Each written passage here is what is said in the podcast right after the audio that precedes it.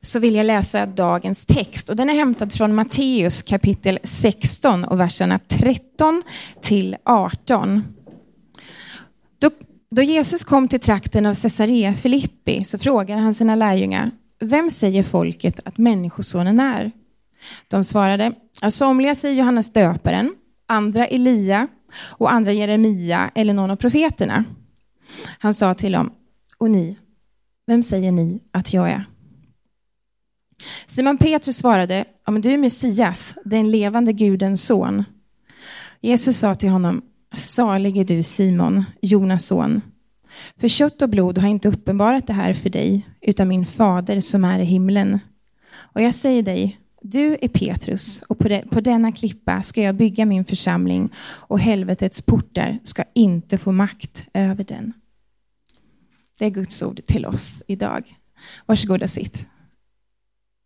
United Stockholm är en nystartad, ganska ja, men ung till åren församling. Men det är inte samma sak som att vi har en ny tro. Eh, vi har en vintage-tro, en tro som har ganska många år på nacken och Linda nämnde det, att vi var i Istanbul här Eh, i veckan. Och eh, vi har spenderat fem dagar där då, bland annat eh, med, med sittepastorerna så fick vi faktiskt två dagar själva utan barn. Det var fantastiskt också, måste jag säga. Och en av de sakerna som vi gjorde, förutom att gick på Grand Bazaar, som var väldigt trevligt också, och det var väldigt rökigt och det var dålig luft, men, men det fanns en del att titta på i alla fall, sådär. så var vi och besökte och man känner ju till sådär om Istanbul, före detta Konstantinopel. Ehm, den här stan som, som ja men det är verkligen eh, literally, liksom, alltså öst möter väst. Europa går över och blir Asien på andra sidan Bosporen. Alltså det är bara sådär, det är väldigt häftigt. Eh, det finns otroligt mycket denna multinationella, multi-faith, allting finns där och lite till. Eh, 15 miljoner invånare, något sånt. Och, och eh, bland annat så finns ju några byggnader där som är, som är väldigt fascinerande. Eh, vi har den blå moskén som är 500-600 år gammal och som var någon slags skrytbygge som skulle byggas och det skulle vara lite större, lite mäktigare än den här gamla kyrkan då som kallas för Hagia Sofia eller Hagia Sofia som står bara några hundra meter eh, då ifrån ifrån då den blå moskén. Eh, Aya Sofia som byggdes någonstans på 1600-talet och så har du en, en, en ännu äldre kyrka som ligger på bakgården nästan av Aya Sofia som heter Aya Irene. Eh, och vi var inne i båda två, men, men, men, vi kan väl, eh, det där är Aya Irene då, den här riktigt, det är ett museum idag, eh, kan man ju tycka vad man vill om, men, men fantastisk akustik där och man har en del klassiska konserter och sådär. Vi kan visa något kort inifrån. Här står vi då och vi, vi var så fascinerade över den här, den här byggnaden. Dels så bara, det är ju vackert, men, men det händer någonting när man går in i en gammal byggnad. Man bara så här, okej, okay, jag känner mig ganska liten, jag är inte så, liksom, så stor. Och den här, eh, det här är väl det tredje exemplet. Nej, det är det inte. Det här, eh, den har stått lite längre än Aya Sofia. Men i alla fall, så där framme ser ni bänkar och de här bänkarna, vi var ju tvungna att, att eh, smit, vi var tvungna att smita upp där, eh, så att vi, vi gjorde faktiskt det och satte oss där och, och, och värmde rumporna mot de här eh, bänkarna, där man satt under det andra ekumeniska konciliet eller kyrkomötet, där man liksom år 381 skrev under, det var, jag vet inte, jag kommer inte ihåg, men typ 150 biskopar till då som, som diskuterade och pratade om just bland annat då trosbekännelsen, den vi läste, eh, eller ja, den nissenska då, trosbekännelse som man kan säga då enkelt förklarat en föregångare till, till den apostoliska trosbekännelsen. Men, men det var bara så mäktigt att få sitta där och värma rumpan mot, mot, eh, mot de här eh, ja, bänkarna, om man nu säger så, den här, den här platsen. Och det är bara så här, för att påminna sig igen om att nej, men det är inte så nytt. Och sen kan man ju diskutera och fundera på men varför ska vi då plantera en, en, en ny kyrka. Dels så tror vi att, att eh, Jesus han, han sa gå ut och gör allt folk lärjungar. Han, han, han, det finns någonting om, om att, att eh, liksom nyetablera och sen handlar det också om att det är jättebra att se tillbaka och gräva djupa rötter och allt det där. Men om inte det får göra att det blir liv, om inte det gör att det liksom får uttryck och ett verkligt gensvar som, som någonstans får betyda någonting, för i vårt fall då, vårt älskade Stockholm, så, så tänker jag att de där rötterna, eh, då, då, då är det in, inte så bra om de där rötterna inte får liv och kommer ut. Och vi tror verkligen på, på rötter. Eh, och vi tror att ett träd som växer sig större och större måste också ha djupare och djupare rötter, eller hur? Eh, så det är väl ganska så logiskt och vi, vi eh, inser att vi har en tro som går djupt. Och under den här hösten och faktiskt en bit in på vårkanten efter nyår så kommer vi att utgå ifrån och undervisa de här trossatserna som vi ser i den apostoliska trosbekännelsen. Och vi kallar den väldigt enkel eftersom de tre satserna börjar vi tror. Vi tror på Gud allsmäktig fader, himmelens jordens skapare. Vi tror på Jesus Kristus. Vi tror på den helige Ande. Ehm, så det känns jättespännande och, och ehm, jag har faktiskt en, en, en sådär ganska speciell, eller det känner jag själv, det kanske alla har, någon slags speciell relation till, till olika texter och inte minst den här trosbekännelsen. Och det var någonstans i början av 2000-talet, jag tror det var 2001-2002. Eh, jag bodde i London vid det tillfället, var pastor i en av Europas största pingstförsamlingar och hade ansvar speciellt då, fokus på, på ungdomar och young professionals, som vi sa då. Och eh, det var liksom, det var mycket liv i den här församlingen och det var, det var multikulturellt och det var, det var sådär. Vi var väl inte kända för det högkyrkliga direkt, utan snarare tvärtom. Det kanske var alldeles för lite av det ibland. Och, eh, vid ett tillfälle så kom mina föräldrar över och då tänkte jag så här, nu ska vi, nu ska vi eh, göra någonting lite mer sådär, där, vi ska vara lite, lite eh, ja men uppleva lite kultur här, lite kulturella. Så, så tänkte jag, ja men vi går till Westminster Abbey och går på en mässa där. Och jag tänkte väl, ja men ärlighetens namn så tänkte jag inte så mycket mer på det, utan vi, det, vi gick dit och jag tänkte att det var mer en, en kulturell upplevelse sådär. Och så gick vi dit och så satte vi oss ganska långt bak. Och eh, helt plötsligt så, så börjar mässan och, och eh, bland annat så läser man och, och, eh, alla då, det var hundratals personer där och alla läste och det var folk verkligen tog i. Det var så här öronbedövande nästan när man läste just trosbekännelsen. Och jag tänkte så här, oj vad jag har missat. Jag känner till den, kan den inte utan till sådär, eh, men, men liksom bara, jag tänkte sådär, vad, vad vi har missat. Alla de yngre människor som, som jag hade specifikt ansvar då för i våran församling. Jag tänkte, de har aldrig hört mig prata om trosbekännelsen. De har förmodligen kanske aldrig någonsin hört talas om att det finns någonting som kallas för trosbekännelsen. Så jag tog med det här och så gjorde vi faktiskt, det var första gången som jag körde just en, en serie på trosbekännelsen. Eh, så det var några år sedan. Men, men, så det känns väldigt kul att, att göra det i den här settingen och ta ännu mer tid för det och tränga djupare ner i, i de här olika trossatserna som som just trosbekännelsen står för. Så idag så kommer jag köra en, en introduktion av just trosbekännelsen lite grann, så där, var, var den kommer ifrån och varför trosbekännelsen. Eh, vi kommer fortsätta då under, under hösten och en bit in på våren, då, ord för ord och stycke för stycke och sådär. Eh, den här man kan tycka då relativt korta men ack så kärnfull. Varenda ord är liksom sprängfyllt med, med en massa saker. Och idag så tänkte jag att vi skulle titta lite grann på vad är tro och lite grann vad, vad tror vi på? Så vad är tro då? Den här texten eh, från Matteus evangeliet som, som Linda läste, dagens text, eh, så innebär, eller det, visar ju tydligt, och det vet vi ju, det finns många som tror en massa saker och vi tror allt möjligt. Det har egentligen alltid varit så. Man tror saker och man upplever saker, man lägger ihop ett plus ett och ibland blir det tre och ibland sju och ibland två. Eh, det är lite olika. Och eh, det är väl sådär, what goes around comes around. Det är inte särskilt mycket nytt under solen. Och Jesus han var, han var lite han var, han var intresserad naturligtvis. Först och främst intresserad av människor. Han var intresserad av vad, vad tror människor? Vad tänker man om mig? Och han säger i vers 13, vem säger folket att människosonen är? Och så kommer en mängd olika förslag. En del är ju, de flesta är ju faktiskt religiösa och har med gamla testamentet att göra. Och man tänker ju sådär, det här är ju inte helt snett, det här är i alla fall på vägen. För det är inte liksom, de säger ju inte, ja men vem säger de att jag är? Ja men Superman, Batman och Zlatan. Det är ju det är ändå någonstans på, på vägen. Eh, sådär. Eh, men ändå är det fel, för Jesus har inte bara ett intresse av att veta vad folk tänker, utan han har ett intresse av att hjälpa folk, guida folk och leda folk rätt. För ingen idé att tro bara i största allmänhet. Eh, säger ju Bibeln. Men vårt samhälle pratar ju faktiskt om just det. Vi ska bara tro. Tro för trons skull. Att det är det viktiga.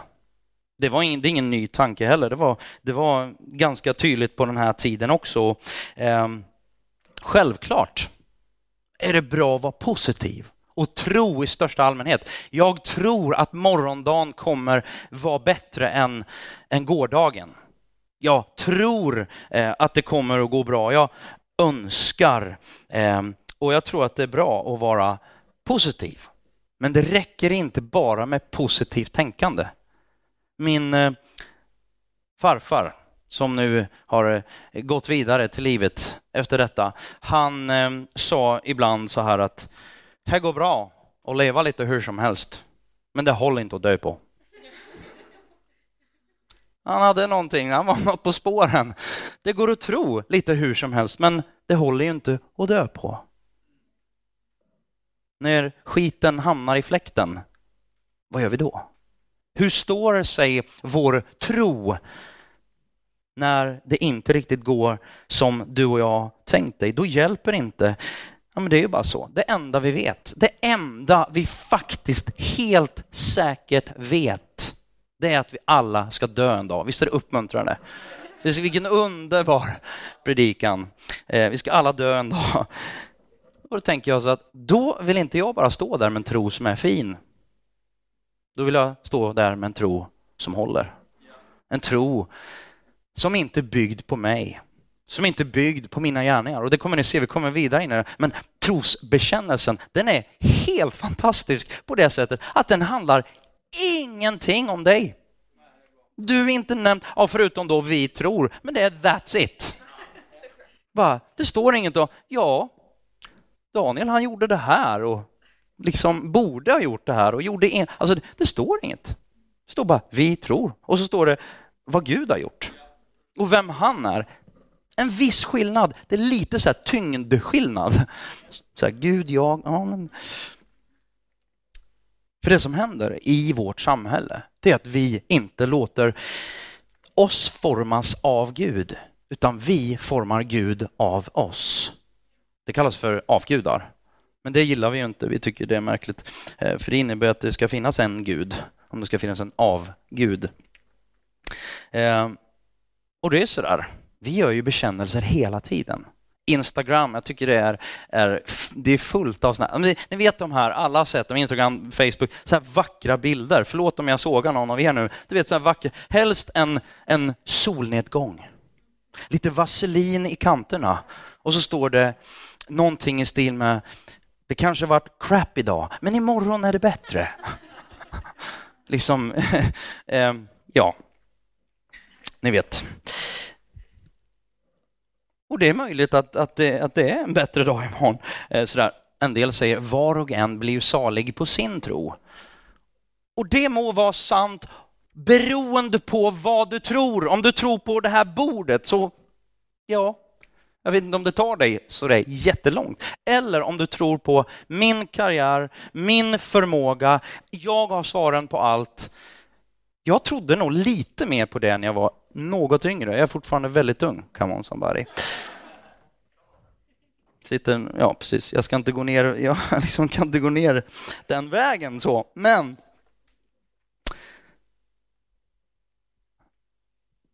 optimism är ju bra. Jag sågar inte optimism. Någon sa, det är kul, den optimi optimisten och, och eh, den negativa, vad säger man? Pessimisten, tack. De har förmodligen ungefär lika ofta rätt, men optimisten har ju lite roligare under tiden. Så att, så att men, men jag tror att den optimism som många eh, försöker att leva efter, de här coacherna, hjälp till självhjälp, så här, den blir gärna uppumpad. Den blir ganska krampaktig. För jag någonstans, jag måste kämpa mig till att hålla upp den här optimismen i hopp om att just optimismen ska i sin tur hålla uppe mig. Problemet är att det blir väldigt ihåligt. För ett par veckor sedan intervjuas, intervjuades, så jag, jag, vill inte såga den här personen. Han är oerhört fin, vad jag kan se, och sympatisk. Eh, våran finlandssvenske eh, man, Mark Levengood, naturligtvis. Eh, han intervjuades i, i Nyhetsmorgon av, av eh, Jonas Börjesson och de talade om bland annat just den här den sekulära tron på något sätt, alltså den sekulära och privata tron. Och jag tycker att Mark Levengood beskriver den väldigt väl. Det finns ett bottenlöst behov inom oss som vi inte kan fylla själva. Jag håller med till 100 procent så långt. Vi behöver därför någonting annat att tro på. Dit håller jag med. Sen skiljer sig min och Bibelns tanke från just Marx då. Han fortsätter just då, därför någonting annat att tro på. Vad som helst. En religion, en filosofi, ett fotbollslag. Det kvittar, bara det är någonting som kan skingra våra tankar och hjälper oss att tänka på något annat. För det hjälper inte att folk gillar dig på Facebook eller ger dig bekräftelse för vad du gör. Det enda som räknas är om du älskar dig själv. Jag tycker det var väldigt bra att Jonas ställde en, på, en fråga där. Han säger så här. Men om jag inte kan älska mig själv då? Frågetecken. Jag vet inte om Mark hade liksom tänkt att han skulle få den frågan, men han svarade egentligen bara ja, då blir det svårt. Punkt, punkt, punkt. Och det är oerhört mycket av vad den här världen har att erbjuda. Jag är otroligt glad att jag inte behöver luta mig mot en trosbekännelse som handlar om jag mig och mitt. Hur mycket jag kan prestera, hur mycket jag har att ge om liksom bara så här, jag gör så gott det går, sen får jag skörda efter det. Jag är väldigt glad för att jag inte kommer att skörda allt jag har gjort. Trust me. Det blir inget bra. Jag är glad att, inte, att det inte stannar med jag hoppas på bättre tider eller the best is yet to come.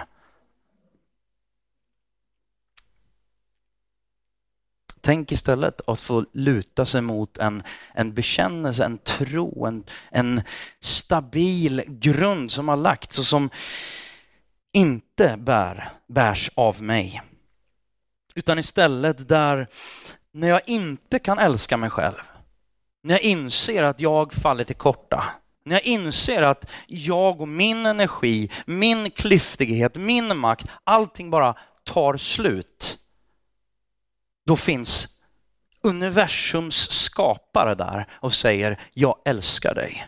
Jag har gått före dig. Jag håller uppe dig med mitt ord. Det handlar inte om dig. Jag tycker att det är en viss skillnad. Trosbekännelsen tror jag kan upplevas lite grann av en del som ett ok som en slags ribba som så här, miniminivån på min tro måste vara det här. Men det var aldrig tänkt att vara det. Utan snarare en grund att stå på, någonting att luta sig mot när jag själv vacklar en tro som jag får gå in i och bli del av. Det här är lite så här, det är nytt för, för, för många av oss och det vi kallar för frikyrkan, så här, bli del av någonting större. Men eh, vi tror på det som de kristna alltid trott på. Det är inte en, främst en känslobekännelse, utan en trosbekännelse. Det här tror vi, inte bara det här känner vi. Du kan ju tro vad som, eller känna vad som helst, men om trosbekännelsen eh, står kvar och, och då återgår vi ju till det här. Det är faktiskt inte främst viktigt vad du vare sig känner eh, eller bara vad du tror i största allmänhet, utan faktiskt på vem och på, på vad och på vem vi tror. Det är ju det extremt viktiga.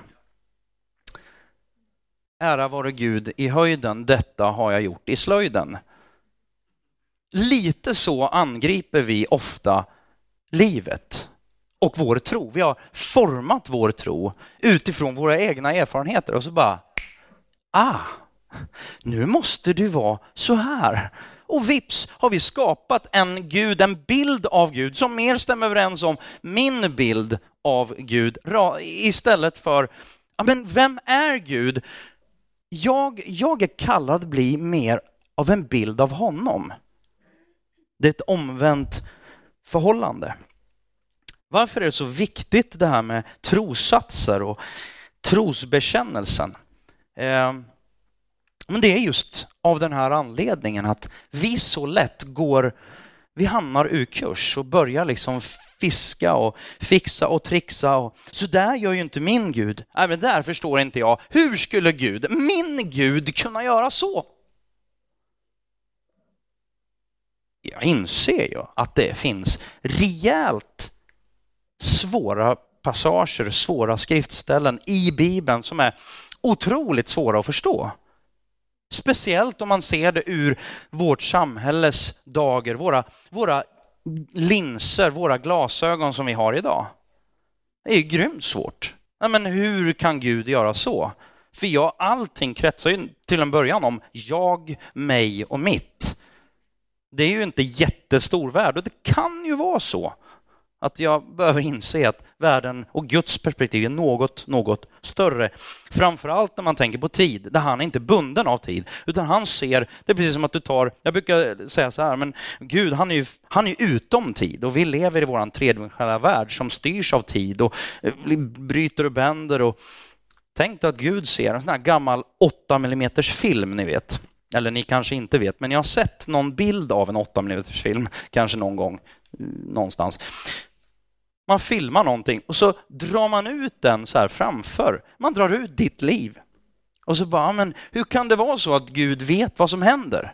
Ja, men det är inte så att han, han på ett sätt vet innan, utan han vet det, alltså allting sker samtidigt. Tänk dig en sån här, det är min så här, extremt, jag måste ju, bara för att inte bli knäpp, så måste jag förklara för mig själv på något sätt. Och det här är min förklaring, ni kan såga den sen dra ut bilden och så ser han ser början, slutet, mitten, allting samtidigt. Gud är bara lite större. Och det är fantastiskt. Trosbekännelsen och den här, alltså den bibliska tron, kristna tron, den är aldrig menad att vara ett ok, någonting du ska leva upp till, utan det är en grund att stå på, att leva utifrån en extremt stor skillnad. Första Timoteusbrevet 1, Paulus, aposteln Paulus då, som skriver till sin lärjunge Timoteus, den här pastorn, unga pastorn, kapitel 1, vers 3-4 och så 11. Ehm, jag uppmanar att stanna kvar i Efesus och förmana somliga där att inte förkunna falska läror. Att befatta sig med myter och ändlösa släktregister jag kan tänka mig att de, de ville briljera och visa hur duktiga de var, så här släktrisker och, och som finns i Gamla Testamentet. Och i, liksom där. Men, men sådan leder till strid och tjänar inte en gudomlig undervisning i tron. Den sunda läran, den sunda tron. Alltså finns det en osund tro, en osund lära och det finns en sund. Detta enligt ett evangelium om den välsignade Gudens härlighet som har anförtrotts åt mig. Hur skulle man kunna avgöra om det var en sund lära eller en icke sund lära? Det fanns inte ens, här får man ju tänka på, det fanns inte ens det man kallar för ett kanoniserat Nya Testamente, alltså de här, de här böckerna. Man hade ju ett gamla testamente, men de här breven, till exempel det brevet som han skriver till Timoteus, det hamnade ju i, de fanns ju naturligtvis, men de hade inte satts ihop, kanoniserat, satts ihop till att bli Nya Testamentet ännu. Så hur, hur visste man liksom sådär, vad, vad, vad är den sunda tron? Vad är den rätta läran? Så att vi inte bara åh, vi har en stark tro. Ja, men det pratar inte Bibeln jättemycket om, utan Bibeln talar om vad tror du på? Tror du att Gud är den han säger att han är? Det är frågan. Bibeln består av cirka tre miljoner bokstäver.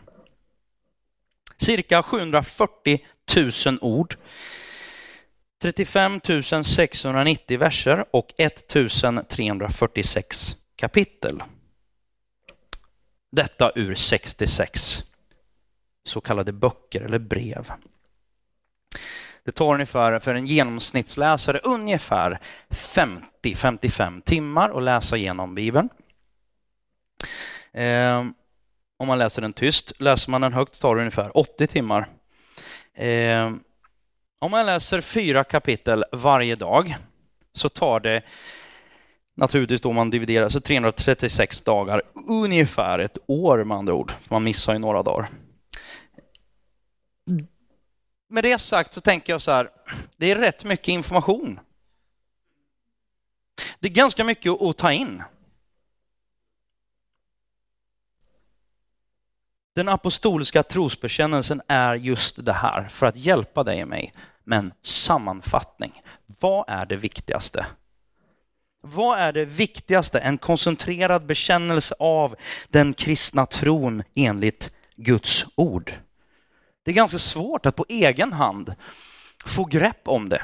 Och det var ingen som gjorde det här på egen hand, utan det var biskopar, hundratals, åter hundratals, under många, många år av samtal och bara så här stångandes. Det var säkert höga dispyter om vissa saker och jag menar otroligt kärnfull den här apostoliska trosbekännelsen. Och credo, eller lati, latinska ordet credo, eh, jag tror. Det är ju det som trosbekännelsen hela tiden börjar med då. Och, och eh, eh, ja, men helt enkelt, jag bekänner min tro och så bekräftar han alltså, jag bekänner min tro, att jag tror på det som apostlarna undervisade. Det är egentligen det man säger, undervisar och förkunnare om den kristna tron. En del säger så här, villolära är trosbekännelsens moder. Eller alla bekännelsens moder.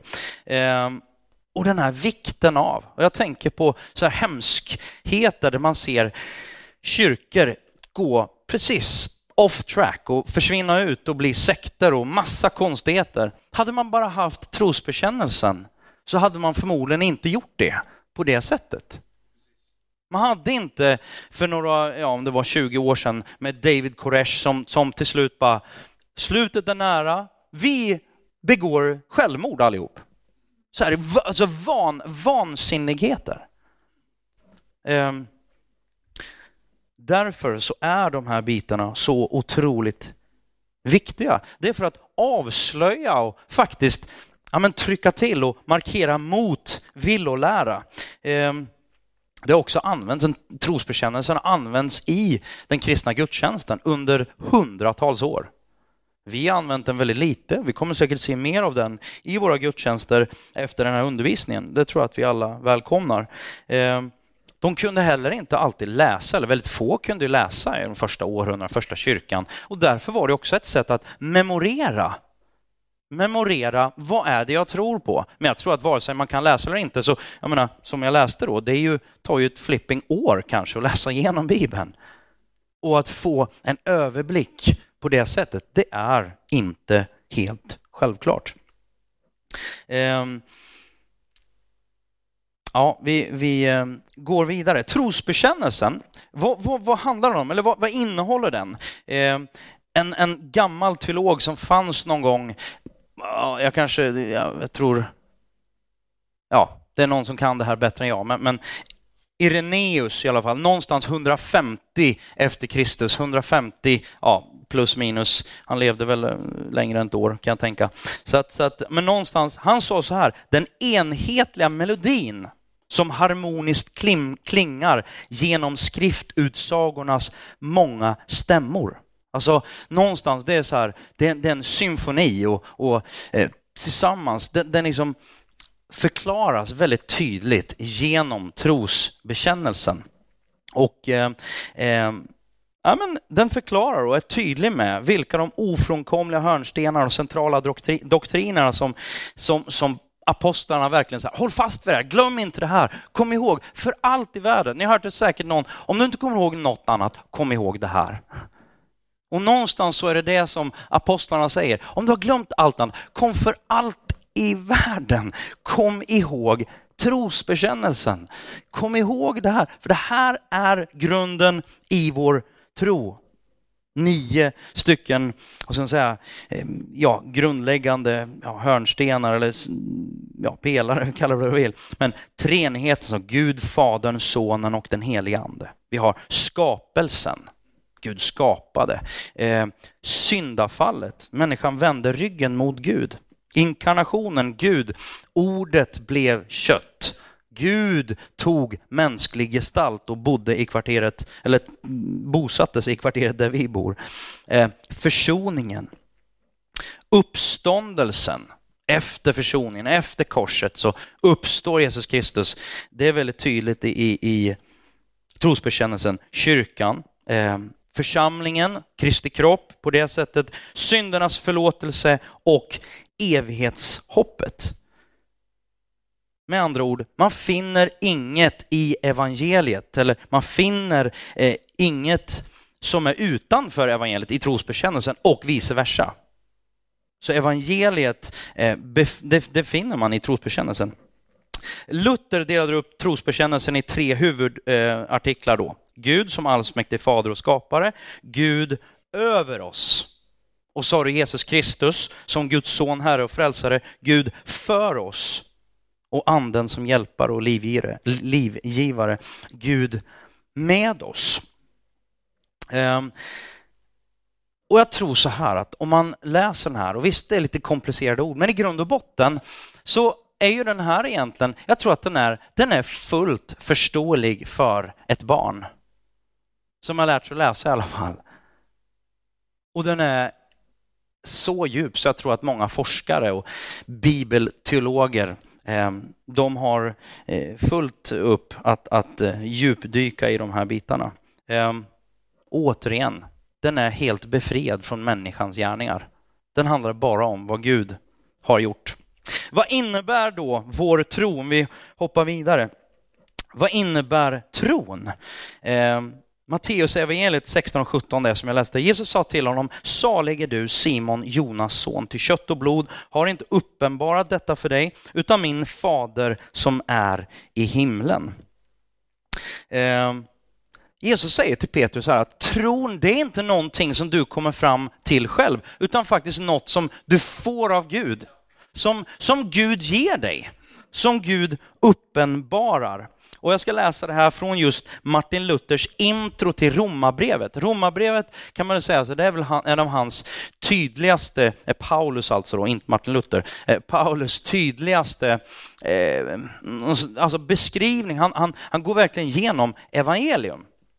Det är väldigt mycket teologi där så här, och han, eh, Martin Luther då, eh, 1500 år senare, skriver det här då som intro till just Romarbrevet. Tron är ett Guds verk i oss, vilket förvandlar oss och föder oss på nytt av Gud och dödar den gamle Adam. Gör oss till helt andra människor i hjärta, håg, sinne och alla krafter. Tron är en levande och dristig djup förtröstan på Guds nåd. Så viss, det här tycker jag om, så viss att man tusen gånger kunde dö för den. Och en sån förtröstan på och visshet om Guds nåd gör människan glad och frimodig och oförskräckt inför Gud och allt skapat. Detta är den heliga andes verk i tron.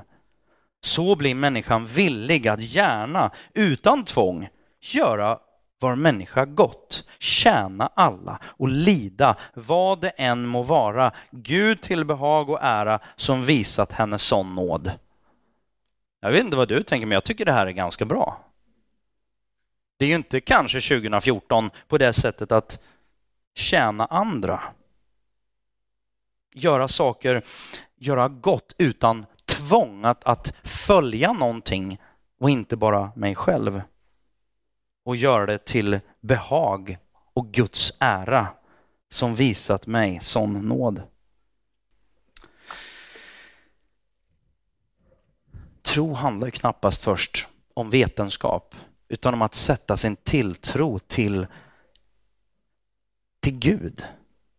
Tillit, sin förtröstan och övertygelse om sanningen i eh, Guds påståenden om sig själv. Det är väl egentligen vad, vad tro handlar om. Um, tänk att bli buren. Buren genom livet av en, av en tro som inte handlar om mig, utan handlar om någonting större. Om en Gud som säger det spelar ingen roll vad som händer runt omkring dig. Jag är alltid din klippa. Jag är alltid din borg. Jag är alltid din Gud. Förtröstan och tillit till Gud. Jag har, jag har beskrivit det på fler, eh, flera gånger, men jag tycker den är, för mig är den så så tydlig den bilden, ett barn som står på det här bordet säger vi. Och som helt plötsligt ser sin förälder. Mina barn har gjort det vid något tillfälle. Helt plötsligt så, så ser Ville eller Caleb eller Bianca, de ser, de ser mig och så bara, jag ska hoppa. Och de tänker inte en halv sekund. De tänker inte, undrar om pappa vill ta emot mig? Undrar om pappa kan ta emot mig. Undrar om pappa klarar av och är stark nog att ta emot mig. De frågorna existerar inte.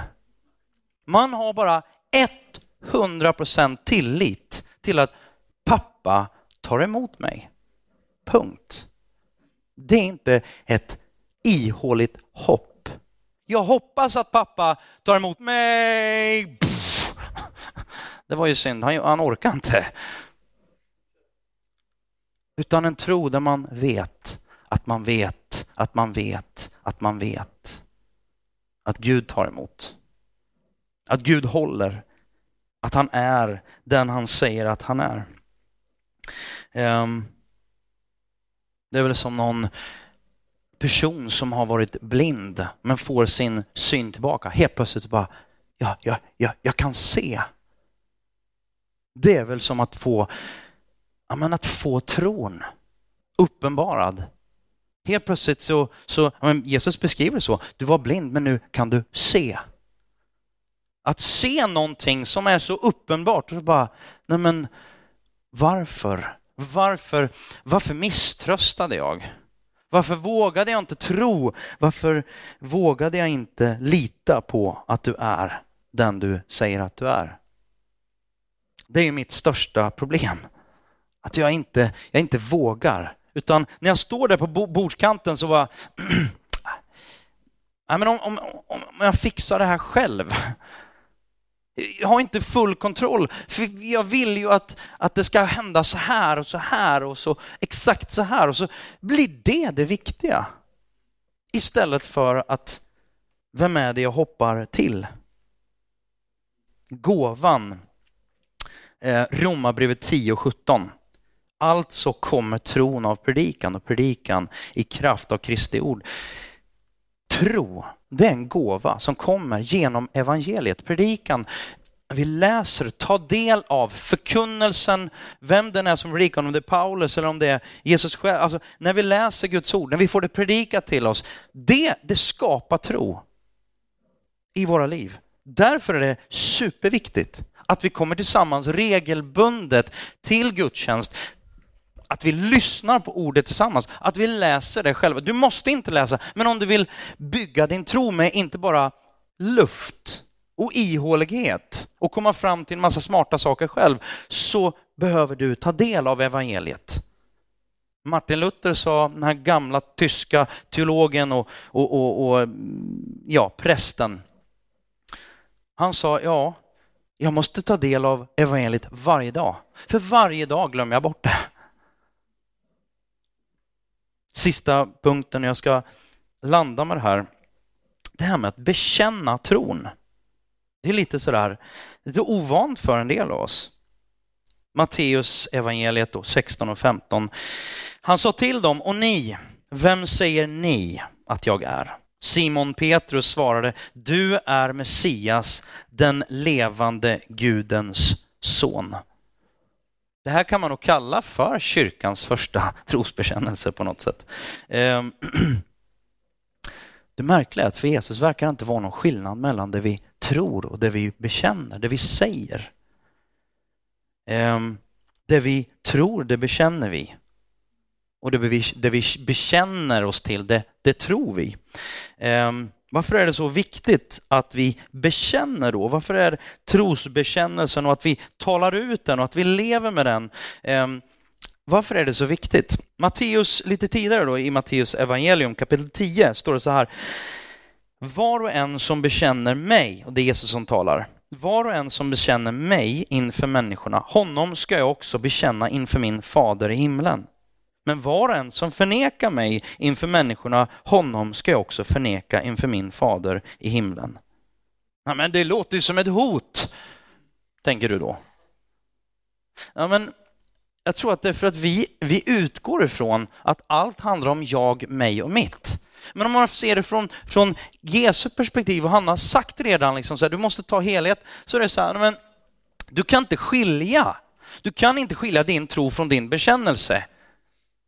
Så finns det inte uttryck i ditt liv av någonting av det här, ja men då, då, då tror du ju inte på det här.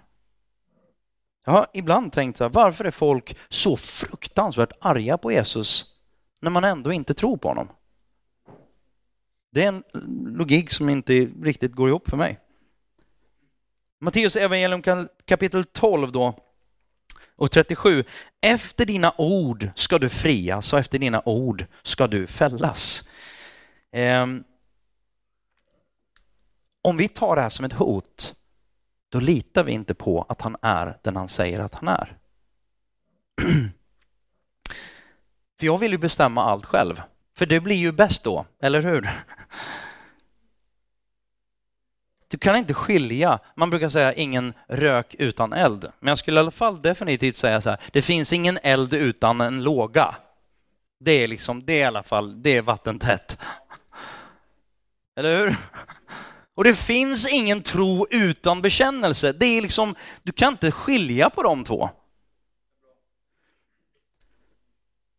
Precis som en tro utan gärningar är död, skulle man kunna säga att en tro utan bekännelse dör? Pratar man bara om verbal bekännelse, svar nej, för då skulle ju den stumme vara dömd liksom for always. Självklart är det inte så, utan bekännelse handlar om mycket, mycket mer. Och det handlar helt enkelt om att alltså en tro utan eh, gärningar är död. Någon sa så här att du kan ge utan att älska, men du kan inte älska utan att ge. Du kan handla utan tro, men du kan inte tro utan att handla. Där har du varför Jesus kan säga de här sakerna utan att det är ett hot. Ligger det skärpa i det? Behöver vi snäppa upp och inse att okej, okay, han är inte bara min homeboy och min sugar daddy in the sky som alltid gör vad jag vill. Nej, när vi läser trosbekännelsen så inser vi att han är Gud, han är Herre, han är skaparen. Han är också Gud med oss som är nära. Vi måste ha med alla de bitarna. Vad hjärtat är fullt av talar munnen, Matteus 12. Andra Korinthierbrevet 4 och 13. Jag tror, därför talar jag. Yttre bekännelse kommer ur en inre övertygelse.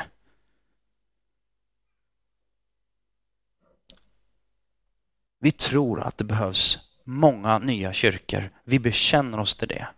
Vi bekänner oss till den uråldriga kyrkan, men vi tror också att det behövs nya kyrkor som når nya människor. Men att man inte ställer de här två mot varandra. Jag tror det är viktigt att ha med båda de här bitarna.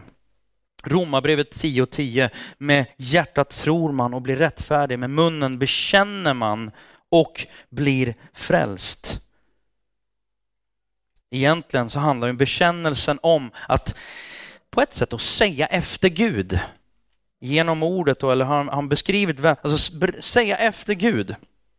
Att våra ord överensstämmer med och är någon slags respons till Gud och hans egna ord, hans uppenbarelse. Eh, jag ska inte dra alla dem, men Bibeln och Nya Testamentet är fulla med sådana här bekännelser. Johannes 1.49, Natanael svarar rabbi, alltså Jesus då, lärare. Du är Guds son, du är Israels konung. Johannes evangeliet 16, några kapitel senare. Simon Petrus svarar honom, Herre, till vem skulle vi gå? Lite kul, för att, eller kul, det är, en, det är hemskt. Jesus har världens grej happening. Det är flera tusen eh, kvinnor och män. Det, det kan, vi vet inte, det kanske är 15-20 000, man vet inte. Det är i alla fall vid ett tillfälle 5 000 män, förutom kvinnor och barn, som, som följer Jesus och lyssnar. Och, och, och, och mitt i det där, helt plötsligt så vänder han sig om och säger, ni måste, ni måste verkligen förstå vem jag är. Och så säger han så här, ät mitt kött, drick mitt blod. Och jag ska inte gå in på, det där är lite weird, vi kommer nog till det, men, men jag ska inte gå in på det idag, mer än att för en jude så var det bara så här, va? Vad är det du säger för någonting? Det här är ju helt galet. Och alla lämnar honom i stort sett och även hans närmsta lärjungar blir väl börjar väl wobbla. Så här, Vem är den här snubben? Han hade ju bara, det var ju så bra. Vilken, vad bra det gick! Och de hade ju fortfarande tanken att han skulle bli, han skulle ersätta Caesar, kejsar Caesar och bli den nya kejsaren. Och guess what? Vi ska sitta bredvid honom. Det var kanske det viktigaste. Och någonstans så bara vänder sig Jesus sen då till sina absolut närmsta vänner och lärjungar. Så säger han så här, ska ni också gå?